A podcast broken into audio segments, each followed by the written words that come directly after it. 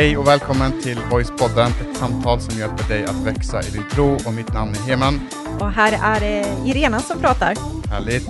Eh, och det här är tredje avsnittet i det här eh, hyfsat nya temat eh, som vi har som heter Den röda tråden. Mm. Eh, där vi har antagit oss detta, den här stora uppgiften att gå igenom liksom hela Bibeln från början till slut och sen bara så här, ja, men vad säger Bibeln? Och sen så prata om det. Ja. Så att man får liksom den här helhetsbilden. För det är många av oss som har lite fragment från olika ställen av Bibeln, men man har svårt att få ihop det.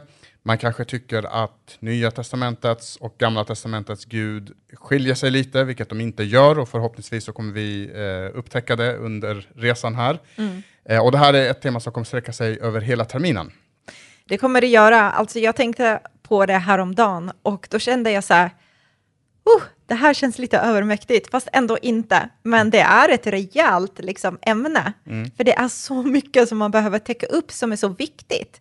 Eh, men vi ska försöka liksom, uh, mala ner det så mycket som vi bara kan, så att det är ätbart och förståeligt och uh, att man får den här översiktsbilden. Exakt, och framförallt så har vi hjälpmedel till vårt förfogande. Så, Mm. att eh, vi, så smart är vi inte att vi kommer på allting själva, Nej. utan vi gör lite research och foska, forskar.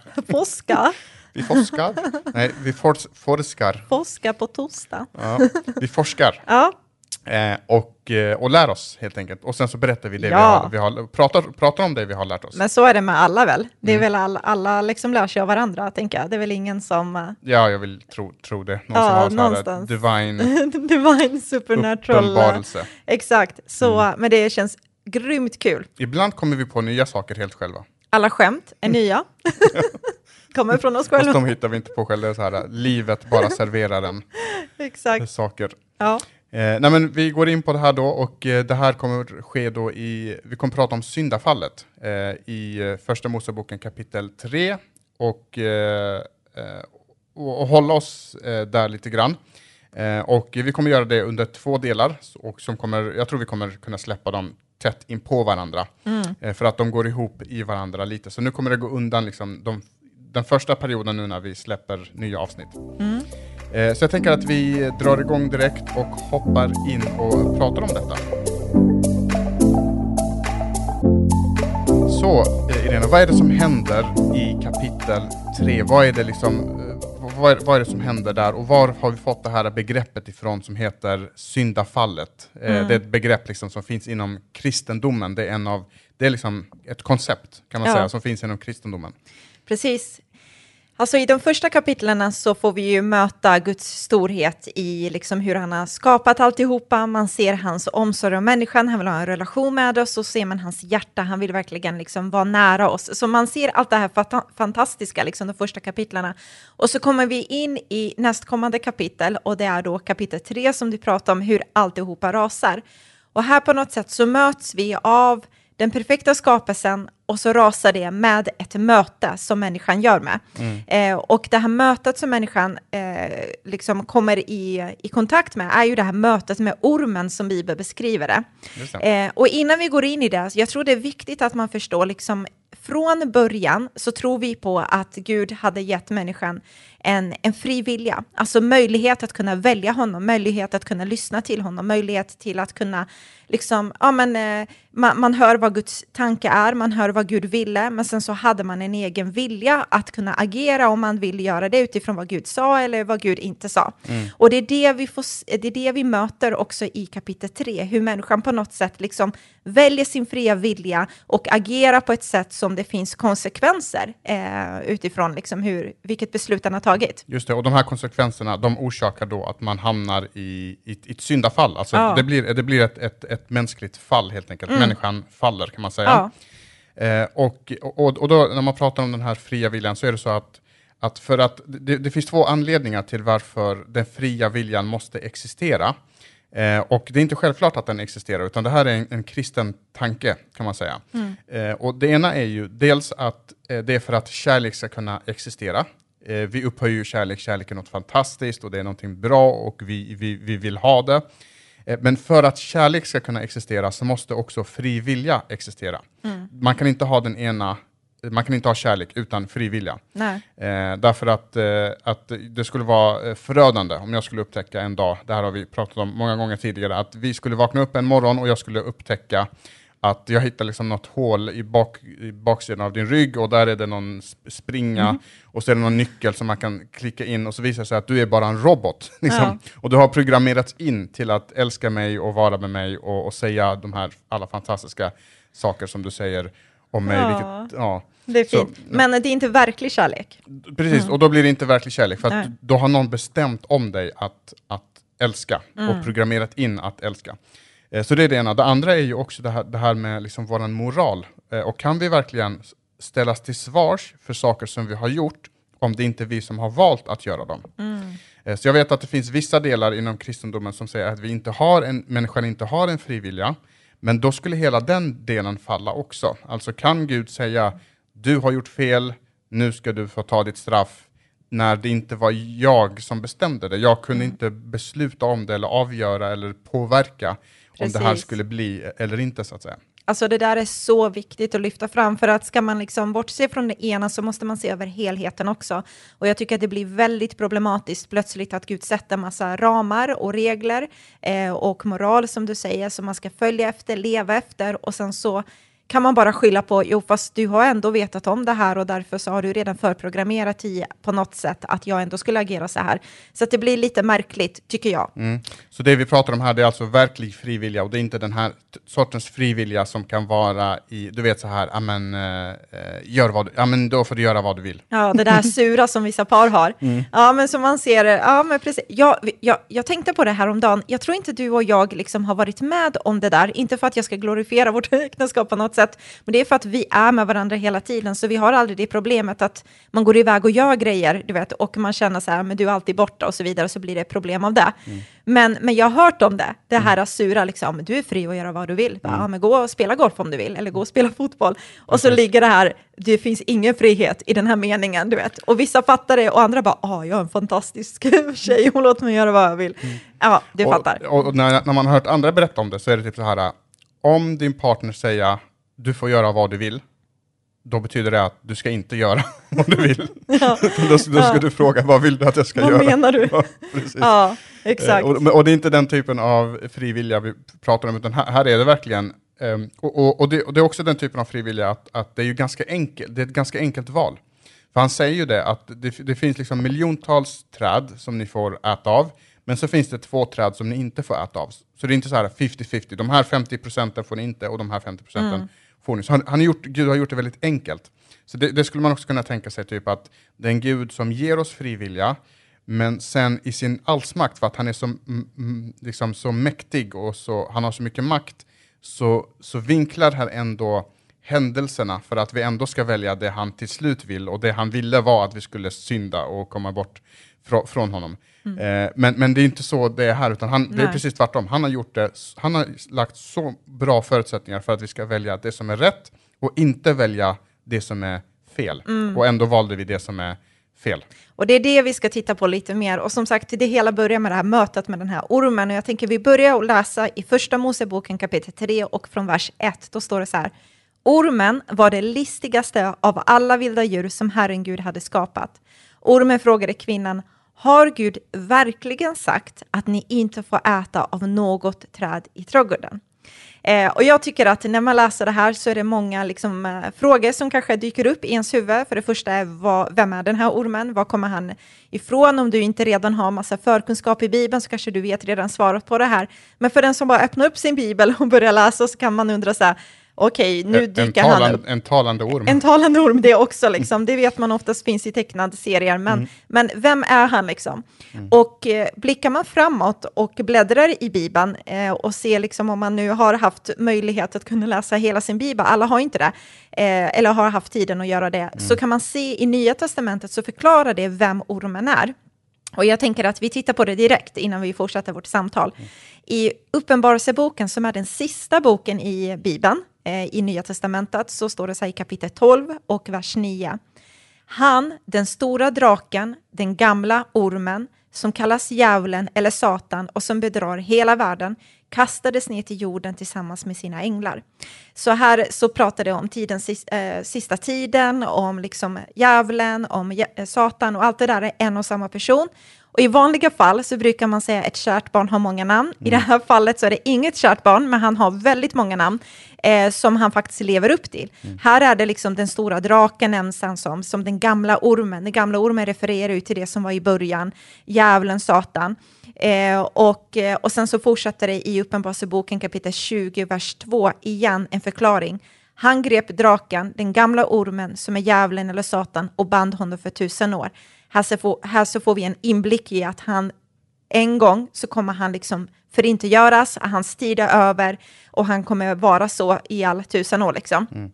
Och, där, och, den här kopplingen mellan, mellan de första böckerna i Gamla Testamentet till, och, och, så, och sen böcker i Nya Testamentet, det gör vi av, av medvetet. Mm. Eh, bara för att visa att det är det här som är den röda tråden. Det finns en röd tråd som går genom hela Bibeln och det finns liksom en, en koppling. Så det här kommer vi göra hela tiden genom hela det här eh, eh, temat. Ja. Eh, men jag tycker ändå det är intressant att och, och, och, läsa att när Uppenbarelseboken pratar om det här så pratar den om den stora draken, den gamla ormen. Det är som att det, är orm, det började med en orm och så blev det en, en drake. Eh, och vi kommer ju prata om eh, vi kommer prata om vad, liksom, eh, eh, vad ormen gjorde, vad djävulen gjorde. Eh, men vi kommer också prata om hur ska vi tolka det här? Ska man tolka det som att det var en orm? Är det här en riktig händelse? Var Adam och Eva, levde de på riktigt? Mm. Så det är flera olika frågor, men den ena frågan handlar just om det här, varför, varför pratar de, för, det första kapitlet, de första kapitlen om just om en orm och inte bara rakt upp och ner om djävulen? Mm. Varför är det någonting som vi får reda på Precis. långt efter, liksom, att det här, det här, och jag har funderat lite på det, och jag funderar på om det inte är, för att en annan sak också som, som jag har märkt, det är att i Gamla Testamentet så pratas det väldigt lite om djävulen överhuvudtaget. Det pratas faktiskt väldigt lite om helvetet överhuvudtaget i Gamla Testamentet, mycket mer i Nya Testamentet. Och det kan vara en, en chock för någon som tror att Gamla Testamentets Gud var arg, men Nya Testamentets Gud är en snäll hippie. Liksom. Ja. Och, och, och, här framträder en annan bild. Och det är som att, men det är som att när vi är du vet när man är liten, eh, våra dotter till exempel, hon har en barnbibel, mm. men där är alla figurer gulliga och fina och så här, och det är skrivet på ett sätt för att hon ska kunna ta till sig det. Mm. Och det är som att det sker en mognadsprocess i mänsklighetens historia, eh, där, där vi från början får hör, se konturerna, vi får höra att det var en orm, så får vi reda på att det här ormen, det var djävulen själv, och så vidare. Förstår du vad jag menar? Ja, alltså, alltså att, att, att berättelsen utvecklas i den takt som mänskligheten mognar och i den takt som Gud tror och bedömer att vi är mottagliga för det här. Mm. Ja, men eh, så, så, kan det vara. Sen så en grej som jag tänker är viktigt att veta i det här är, eh, det är en intressant tanke som du har hemma, men det som är viktigt att få med sig från början är att djävulen inte är evig på något sätt. Alltså, Gud är evig, det har vi pratat om, att Gud står utanför tid och rum. Han är den som är skaparen av alltihopa. Och det är viktigt att vi förstår det här, att djävulen inte är varken evig eller jämlik med Gud på något sätt. Mm. Eh, och det finns inga belägg i Bibeln på att, han är, att det är liksom två likvärdiga stora makter som krigar mot varandra och så ska vi mänskligheten liksom följa med på den här historien och se hur det är, du vet som många så här futuristiska filmer är idag, mm. att man ser den onda och den goda och så har de liksom lika mycket resurser och, och så vidare. Utan djävulen är ju en skapad varelse, han var en del av det här ursprungliga perfekta skapelsen innan han gjorde uppror mot Gud. Och precis som du säger, Heman, det kanske inte nämns jättemycket om honom, men ändå så kan man se att det talas om just det här fallet som han själv har haft. Eh, och det nämns som djävulen på olika sätt liksom, i Gamla Testamentet. Mm. Det där är en jättebra poäng. Eh, i, i vissa i, det finns lite olika läger. Viss, I vissa läger så pratar man jättemycket om djävulen, mm. nästan mer än man pratar om Gud själv. Och i andra så pratar man ingenting. Mm. Och som om, om vi inte pratar om det så finns det inte. Eh, och jag tror att man behöver hålla sig någonstans mittemellan för att Bibeln pratar om djävulen men inte jättemycket. Eh, och framförallt så är det perspektivet som du har, att det är inte två jämlika makter, krafter som slåss mot varandra. Det är inte en bra biofilm med en fa fantastiskt spännande handling, för handlingen här är inte spännande alls, för att vi får, vi får reda på i början vad som kommer hända i slutet. Och mm. det är så här jätte, eller, vissa filmer vänder man på det, och så, så det kan vara spännande ur det perspektivet. Men det är precis som du säger, de är inte jämlika, djävulen är inte allsmäktig, djävulen är inte allvetande, han vet inte allt, Nej. djävulen har inte funnits i all evighet, kommer inte finnas i all evighet, djävulen är inte utanför, så att säga, eh, universum. Eh, djävulen eh, kan inte läsa tankar. Eh, så, så, det finns väldigt mycket som han inte kan och därför behöver vi inte förstora honom mer än vad vi bör. Mm, precis. Så, och, och jag menar, tittar man på hans fall eh, så, så talas det om det i Nya Testamentet, så talas det om ett uppror i den andliga världen. Eh, bara slänger ut bibelorden så får du läsa läsa det själv hemma. I andra Petrusbrevet kapitel 2, vers 4 och Judasbrev kapitel 1 och 6 kan man läsa där om det. Allt det här skriver vi i anteckningarna i det här avsnittet. Superbra. Och sen så finns det också en beskrivning om den fallna ängeln som det talas om i Gamla Testamentet i Jesaja och i Hesekiel. Och det handlar om just djävulen som också hade namn en benämning som heter Lucifer. Mm. Eh, så han, han, kan inte, han kan inte, eh, vad heter det, han är inte allvetande, han är inte allsmäktig, han kan inte läsa tankar, ja, ingenting av de här sakerna, men det finns en sak han kan göra, och det är precis det han gör. Och det är att han kan förvrida sanningen, mm. han kan ljuga och han kan bedra. Mm. Och det är det vi kommer titta närmare på. Eh, det som är intressant med eh, kapitel 3, utifrån alla dessa frågor och funderingar som du hade tidigare, Hemen, så, så verkar det som att författaren inte försöker besvara på de här frågorna med hur uppstod han, var, var kommer den här ormen ifrån, utan det, det som är viktigt för oss att veta här och nu när vi läser det här kapitlet är just att vi känner till dess existens. Han är där, han kom in i bilden och det är utifrån det liksom vi, vi förstår vad som händer med människan och den här fria viljan. Eh, och, och en fråga som vi kanske inte har svarat på helt är just det här, hur ska vi förstå då första Moseboken 3? Alltså var det en verklig händelse? Är det en, en myt? Är det bara bild av något? Det finns ju vissa som tolkar hela kapitel 3 som bara endast symbolik, liksom. så man vill inte tro att det var en faktiskt eh, ond djävul i form av en orm och så vidare.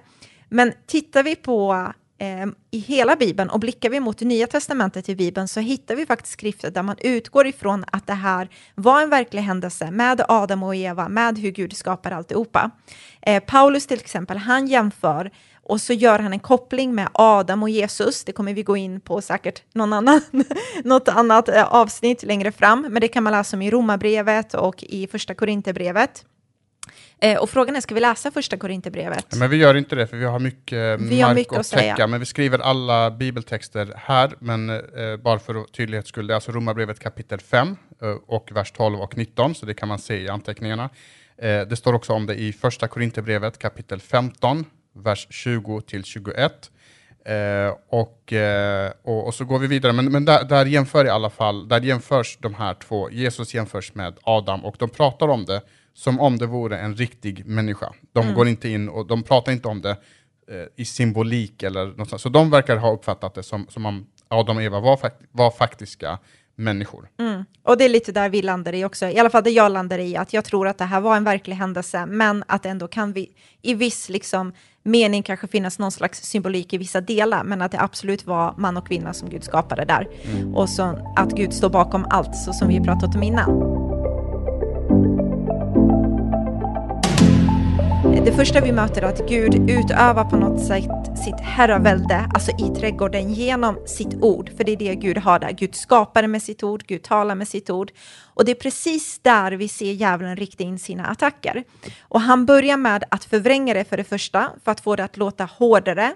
Och så säger han, ja, men, eh, sa Gud verkligen, du får inte äta av något träd i trädgården?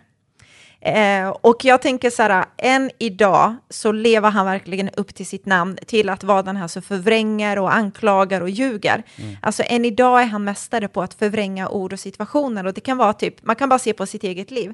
Det här förvrängandet av kanske Guds ord, man, han förvränger eh, känslorna, kommer med förvirring.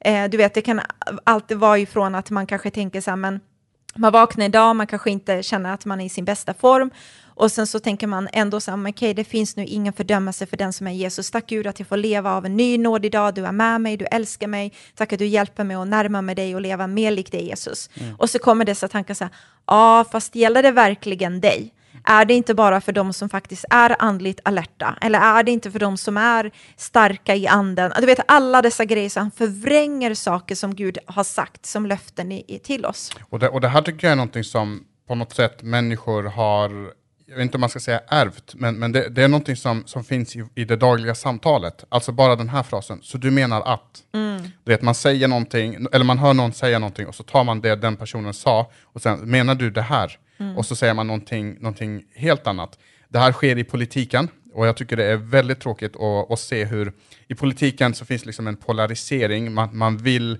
smutskasta den andra. Och det jag tycker är sorgligt är när jag ser att den här polariseringen och den här smutskastningen, att den går ner bland befolkningen också. Att vi köper det och vi börjar göra likadant och vi inser inte vad vi eh, sysslar med. Mm. Eh, bara nu nyligen så var det ju Eh, vissa är inte totalt ointresserade av politik. Jag, jag börjar bli mer och mer intresserad kan jag säga. Det är åldern. Det är åldern, precis. Ja. De vita horsorna som börjar växa här och var. Ja, men, gråa. ja, gråa. Eh, och, nej, men det här med, eh, på tal om då, är det en riktig berättelse eller är det inte en riktig berättelse, så, så har man ju valt en ny talman som heter Julia Kronlid, tror jag. Mm. Eh, man kan tycka vad man vill om hennes... En talman? En talman, det är alltså personen... Jo, det vet jag vad det är, men blev hon talman? Tänker jag. Hon, blev vice talman. Ah, okay. Mm. Efter Andreas Nor mm, Norlén. Mm. Eh, och hon, eh, man kan tycka som sagt vad man vill om hennes politik, man kan tycka att eh, det parti hon eh, liksom företräder är helt fel och så vidare. Eh, och, och, det har alla rätt för att alla röstar inte likadant, tydligen. men, men så började det handla om vad hon en gång har sagt om, ev om evolutionsteorin, om hur allting började. Och då, nu, eh, för några dagar sedan så såg jag just det klippet där hon sa just det. Och då fick hon en fråga, eh, liksom, eh, någonting i stil med typ att Bibeln säger att eh, jorden har funnits i 6000 år eller vad, vad nu kan vara. Vad tänker du om det? Och då säger, då, hennes svar är, jag vet inte för jag var inte där. Mm. Och jag tycker det är ett jättebra svar, ett väldigt ödmjukt svar, för att ingen av oss var där. Eh, och till skillnad från, från vetenskapen där vi kan göra experiment så kan vi inte åter liksom göra ett experiment på hur jorden skapades, utan, eller hur universum skapades. Vi vet helt enkelt inte. Det är helt omöjligt att veta om våra kalkyler stämmer. Vi kan inte bevisa att de stämmer, även om de allra flesta tycker. Men då förvränger man det till att mm. bli, liksom, nej, hon, är, eh, hon, är liksom, eh, hon hatar vetenskap och hon bla bla bla. Så den här typen av smutskastning, jag tycker det finns liksom i vår vardag. Och det här sker från båda hållen, ska jag säga. Mm. Så jag är inte för det ena eller det andra, utan det sker från båda hållen. Ja, men det är ett konstaterande av att det finns där i oss. Och man tittar ju liksom den här mänskliga faktorn i det att Eva hade ju det här också. Det var inte bara liksom djävulen som förvränger Guds ord, men det gör även Eva också, för hon responderar mot den här ormen och säger så här, nej men det är lite stil med att vi får inte äta frukt från trädet som står mitt i trädgården och vi får inte röra det. Så hon lägger till någonting som man eh, ställer sig en liten fråga, så här, sa Gud verkligen det Eva? Eller är det där din egen lilla version av vad Gud faktiskt sa? Är det så du tolkar honom? Mm. Eh, men, så, så det är viktigt det, för oss. Det, alltså det låter som, som när barn säger just det. Mm. Ja, så du menar att jag aldrig mer får titta på tv? Precis. Nej, det var inte det jag sa. Jag, bara, jag sa, nu har vi tittat tillräckligt mycket på tv, nu ska vi... Alltså. Ja, exakt. Ja, mm. men det är, det är en bra bild. Så jag är nyfiken på att veta, vad är det Gud faktiskt har sagt? Alltså för det är någonstans så behöver vi veta vad är det Gud säger och det läser vi så att det inte bara blir mina egna ord. I första Moseboken kapitel 2 och vers 15 till 17 står det så här. Herren Gud satte mannen i Edens trädgård för att bruka och vårda den och Herren Gud gav mannen denna befallning. Du får äta av vilket träd som helst i trädgården utom av trädet som ger kunskap om gott och ont. Den dag du äter av det kommer du sannoliken att dö. Det står ingenting om att hon inte får röra det. Det står ingenting av den versionen som djävulen liksom kommer med. Eh, och det som är intressant i det här är att Bibeln pratar om att synden, när vi begår en synd så kommer liksom andlig död direkt när liksom synden begås. Mm. Eh, och i Efesierbrevet i Nya Testamentet talas det om det här, vårt tillstånd, liksom om att vi var döda i våra överträdelser och synder. Det är därför Jesus kommer in i bilden och gör oss levande igen, på nytt födda, säger Bibeln. Mm. Eh, och den här fysiska döden, den kommer lite senare. Det kommer vi uh, se, liksom, att det kommer drabba även Adam och Eva och alla andra människor generation efter generation. Liksom. Men, men det som är intressant i den här händelsen är att djävulen ger inte upp, utan från att han börjar förvränga så börjar han nu ifrågasätta. Sen bara, nej men du, lugna ner dig Eva, du ska inte dö, du ska inte dö. Mm. Eller jag om han hade skånska, mm. du ska inte dö. Först så förvränger han Guds ord och sen så ifrågasätter han Guds ord. Och så fortsätter han med liksom att säga, ja men den dag ni äter av frukten så kommer era ögon att öppnas och ni blir som Gud med kunskap om gott och ont. Mm. Och, och det, här, alltså det här behöver vi verkligen eh, ta till oss, för det här än en gång, jag kommer tillbaka hela tiden till nutiden och hur saker eh, funkar idag och hur, hur saker kan spridas. Du vet när man pratar om eh, bakom någons rygg.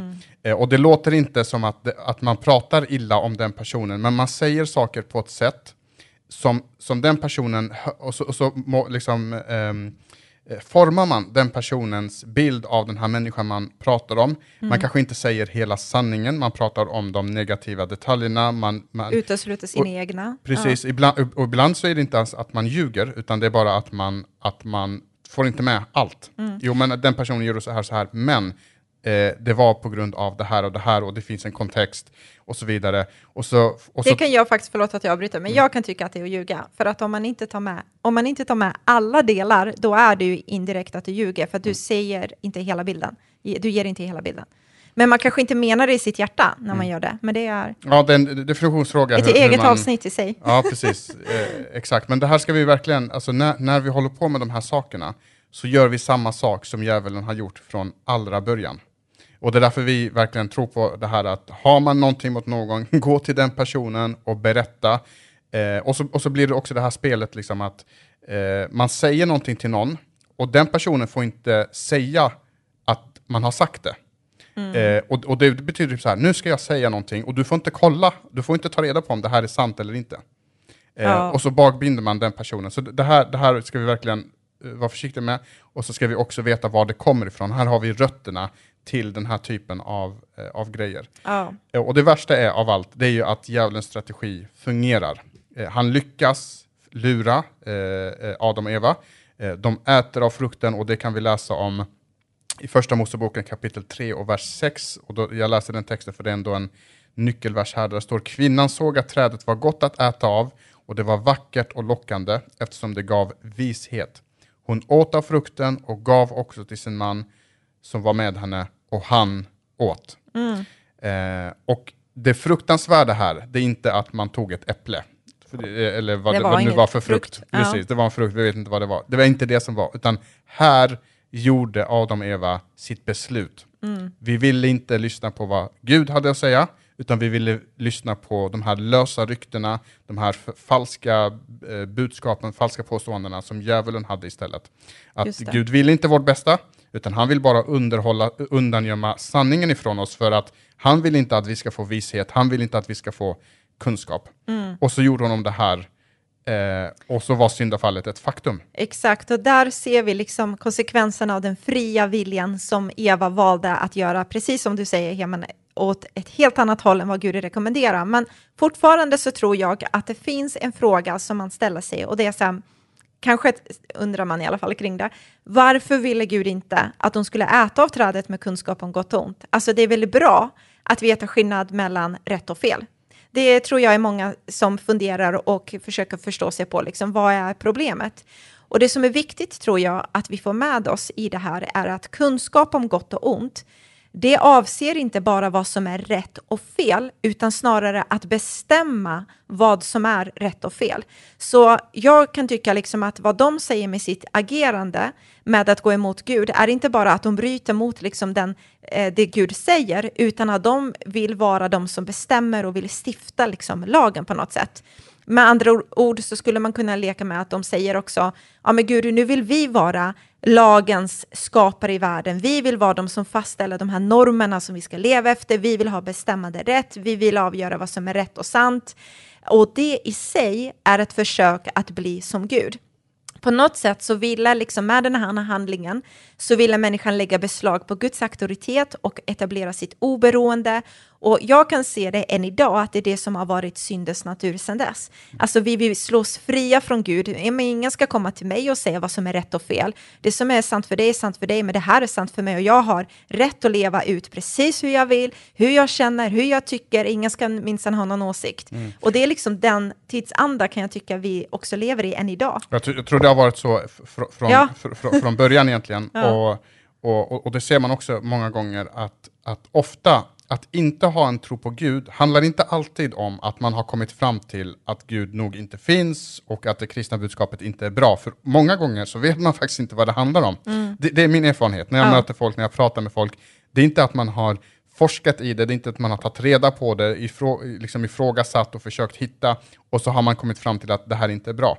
Utan jag tror att det handlar just om det här att skulle det här vara sant, så har det här, det här budskapet ett anspråk över mitt liv. Och då är, det, då är det någon annan som talar om för mig vad som är rätt och fel. Och Mm. inte jag själv. Och vill jag det? Nej, jag kanske inte vill det. Ja, men då stöter jag bort det här och så, och så låter jag det vara. Ja, så är det definitivt. Och så ser vi också konsekvenserna av allt det här. Ska vi kasta oss in i det också? Ja, precis. Eh, konsekvenserna är brutala, konsekvenserna lever vi med fortfarande. Vi kommer nudda på tre olika konsekvenser som har med relationen att göra mellan, eh, liksom, på olika nivåer. Vi kommer gå in på det. Eh, och sen kommer vi ta en paus och så kommer vi att eh, fortsätta i nästa avsnitt för att se vad de långsiktiga eh, konsekvenserna var. Precis. Eh, eh, och, och det finns, kan man säga, konsekvenser på tre olika nivåer relationellt. Mm. Det vi körde första. Det första som vi ser är relationen mellan man och kvinna. Från att vi i början när vi läser första Moseboken så ser man hur de är jämställda, det finns en perfekt tillit, intimiteter där, till att de nu plötsligt täcker sig för att dölja sin nakenhet. Det här välkända fikonlöv som de liksom lägger runt sina höfter för att skylla sig. Och det vi märker direkt, konsekvenserna av det här, är också att det dröjer inte länge förrän de börjar vända sig mot varandra. Från att de var där sida vid sida till att de börjar liksom skylla på varandra. Ja, men det var kvinnan som du gav mig och det var mannen som inte gjorde sitt och du vet alla dessa uttryck. Ingen av dem ville ta ansvar för sina handlingar. Och från att det skulle vara så som Gud har tänkt, att de ska liksom leva i en relation där, eh, där de lever i ömsesidig kärlek, ömsesidig respekt, så ser man hur liksom kompassen går sönder helt hos de båda. Och det uttrycker sig i att mannen nu plötsligt råd, vill råda över kvinnan och kvinnan på något sätt försöker liksom komma åt mannen på ett annat sätt. Eh, och mannens rådande, nu vet jag att jag generaliserar extremt mycket, men bara så att vi liksom kommer någon vart i samtalet Jag skulle här. kunna ta över det och, och Ja, bara... ska du köra det? som, som, som man... Som nej, man men, kan nej, men, nej, men det är bara, alltså, de allra flesta män är bra män. Ja. Så. Men, men vi ser också att genom hela histor historien så är det inte kvinnorna som har startat krig, utan det är män som startar krig. Det är inte kvinnorna som våldtar generellt, det finns säkert undantag, utan det är männen som, som, som våldtar.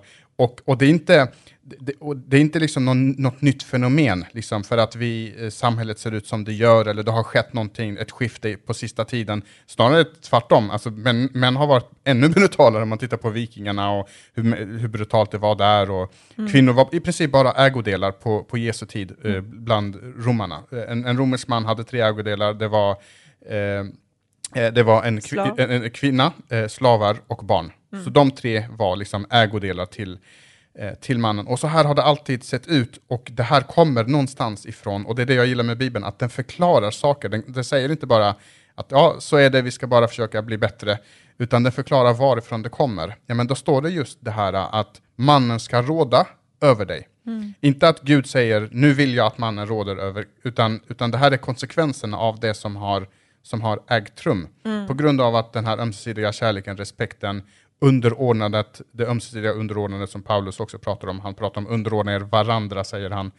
Eh, så så det, det skedde här. Precis, precis. Och sen så ser man från kvinnans håll, om jag nu ska prata kring det, är ju också att hon på något sätt, ja men hon har åtrå till mannen, kanske på ett osutt sätt, hon vill liksom komma åt, vill inte känna att någon, Eh, ja men hon vill ta kontrollen också över situationen, över relationen. Eh, och jag menar, går man till sitt eget liv så kan man ju också se det där ja, med ifrågasättandet, alltså du menar att eh, ingen ska minsann säga till mig, nej men du vet alla dessa saker som, som ligger i, i, som grund för att kompassen är sönder, som Gud behöver hela och läka. Liksom. Precis, och man kan säga så här, du och jag bråkar ibland. Vi tjafsar och Mm. man kan säga, eh, och vi kan bara dra slutsatsen att det inte bara är en enda persons fel Nej, varenda gång, utan Ja. Mm. det har varit olika saker. Och, och, och, och, och, och, och det är någonting som ligger liksom i vår natur att vi, Mm. så här. Eh, och allt det här då skedde kring i, i den här händelsen att, att eh, relationen eh, blev skadad, det, det, den är inte hälsosam längre som den var. Nu kan man leva ett hälsosamt liv, en hälsosam relation, men det behöver finnas en medvetenhet för att leva enligt det som var Guds tanke från början så att säga. Precis. Så det går att leva, precis som du säger, i en kärleksfull relation där man har respekt och eh, man ser varandra som jämlikar och så vidare. Men man ser också på om den stora bilden, varför det är som det är, så hittar vi roten till det. Det andra som påverkas är faktiskt relationen mellan människan och skapelsen. Eh, för från att vi ser den här harmonin med liksom, människan och Gud skapade alltihopa och, och gav oss skapelsen till att ta hand om den och vi skulle njuta av det och det här som vi pratade om förut, det materiella så att säga, det som vi liksom kan ta del av, det var någonting gott som Gud ville ge till oss, till att det blir något annat. Arbetet med jorden kommer nu att kräva mycket svett och hårt arbete. Från att naturen bara var en fantastisk tillgång till att vi kommer känna att det är någonting som är emot den. Eh, och det kan man läsa om. Naturkatastrofer och sådana saker. Ja, men precis. Och det kan man läsa om i första Moseboken kapitel 3, vers 17 till 19. Om hur det blir liksom något helt annat, att marken ska ge oss tisslar och törnen och så vidare. Eh, och att mannen kommer jobba och arbeta där och eh, inte känna någon större framgång i princip. Mm. Eh, men sen så det tredje. Ja, och det tredje handlar om, och det kanske är den värsta brustenheten av allt, och kanske också den brustenheten som är basen till allt det andra också, och det är att relationen mellan Gud och människan bryts eh, där och då. Mm. Eh, och, eh, och, och, när då eh, Adam och Eva tar det här beslutet att vi kommer lyssna på eh, våra egna åsikter och tankar, vi kommer lyssna på, vi kommer ta in eh, djävulens feedback om det han sa, om vad Gud sa och inte sa, eh, så kommer vi lyssna på det. Eh, så, eh, och, och, och, och, från att de har vandrat med Gud i Edens lustgård, det finns en kontinuerligt samtal mellan dem, det är typ som att bo i samma hus, typ. man, man bara går runt och så är man, man är i varandras närvaro, eh, till att nu så springer de iväg från Gud. Mm. Alltså efter att de har begått det här, eh, de upptäcker sin nakenhet, de får dåligt samvete inför varandra, men de får också dåligt samvete mellan sig själva och Gud, alltså dåligt samvete mot Gud. Mm. Och så springer de därifrån, och jag tror att det är i vers 9, så ropar Gud efter de här, så säger han Adam, var är du? Mm. Och när Gud ställer den frågan så är det inte som att Gud leker kurragömma och han vet inte vad de är, för att han är, han är överallt, han vet precis vad de är, men det, det, det är, en, det är en, eh, en slags, vad ska man säga, en slags eh, besvikelse och en desperation, eh, kanske inte desperation, men en, en jag vet inte hur jag ska uttrycka men, men, men det innehåller liksom så här, vad har du gjort mm. ungefär? Vad, vad har du tagit vägen?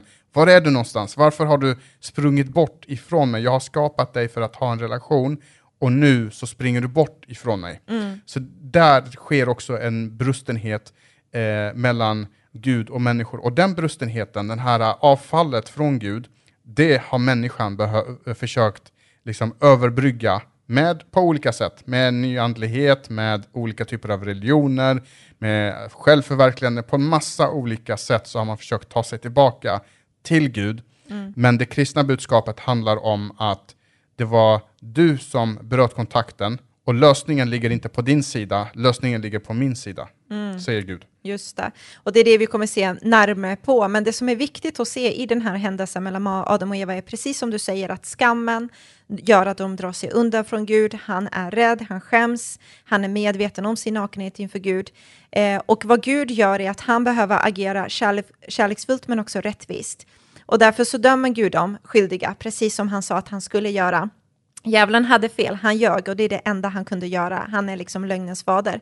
Och Guds varning om att Adam och Eva skulle dö var inte bara ett hot utan det verkställdes. Och vad som hände var att de dog andligt. Mm. Eh, de fortsätter existera fysiskt, men andligt sett så är de döda. Och vad som menas med det är att deras till, tillgång till Gud, relationen till Gud, blir avskuret. De är skilda från att kunna vara i Guds närvaro.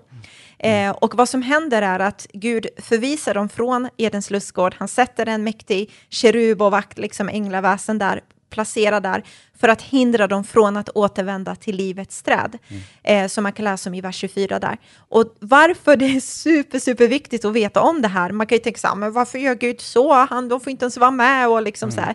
Det är av Guds omsorg som han gör det här. Och här så ser vi liksom första, en av de första delarna där Gud visar på nåd och kärlek för att hade de tagit del av livets träd, så hade mänskligheten varit i det här tillståndet som vi är nu, borta från Gud i all evighet. Exakt, så bara så här, det fanns två träd. Mm. Det ena trädet var, gav kunskap om gott och, gott och ont och det andra trädet var livets träd som gav evigt liv helt enkelt. Mm.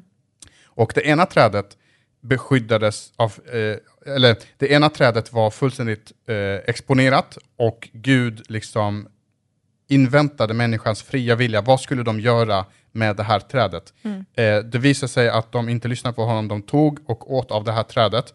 Och då kliver Gud in och så begränsar han tillgången till eh, livets träd för att de inte skulle vara, få evigt liv i det här syndiga tillståndet som de nu befann sig i. Så en, det, det, det är en, precis som du säger en slags Guds nåd att nu måste, jag, nu måste jag sätta ner foten, nu måste vi stänga vägen här.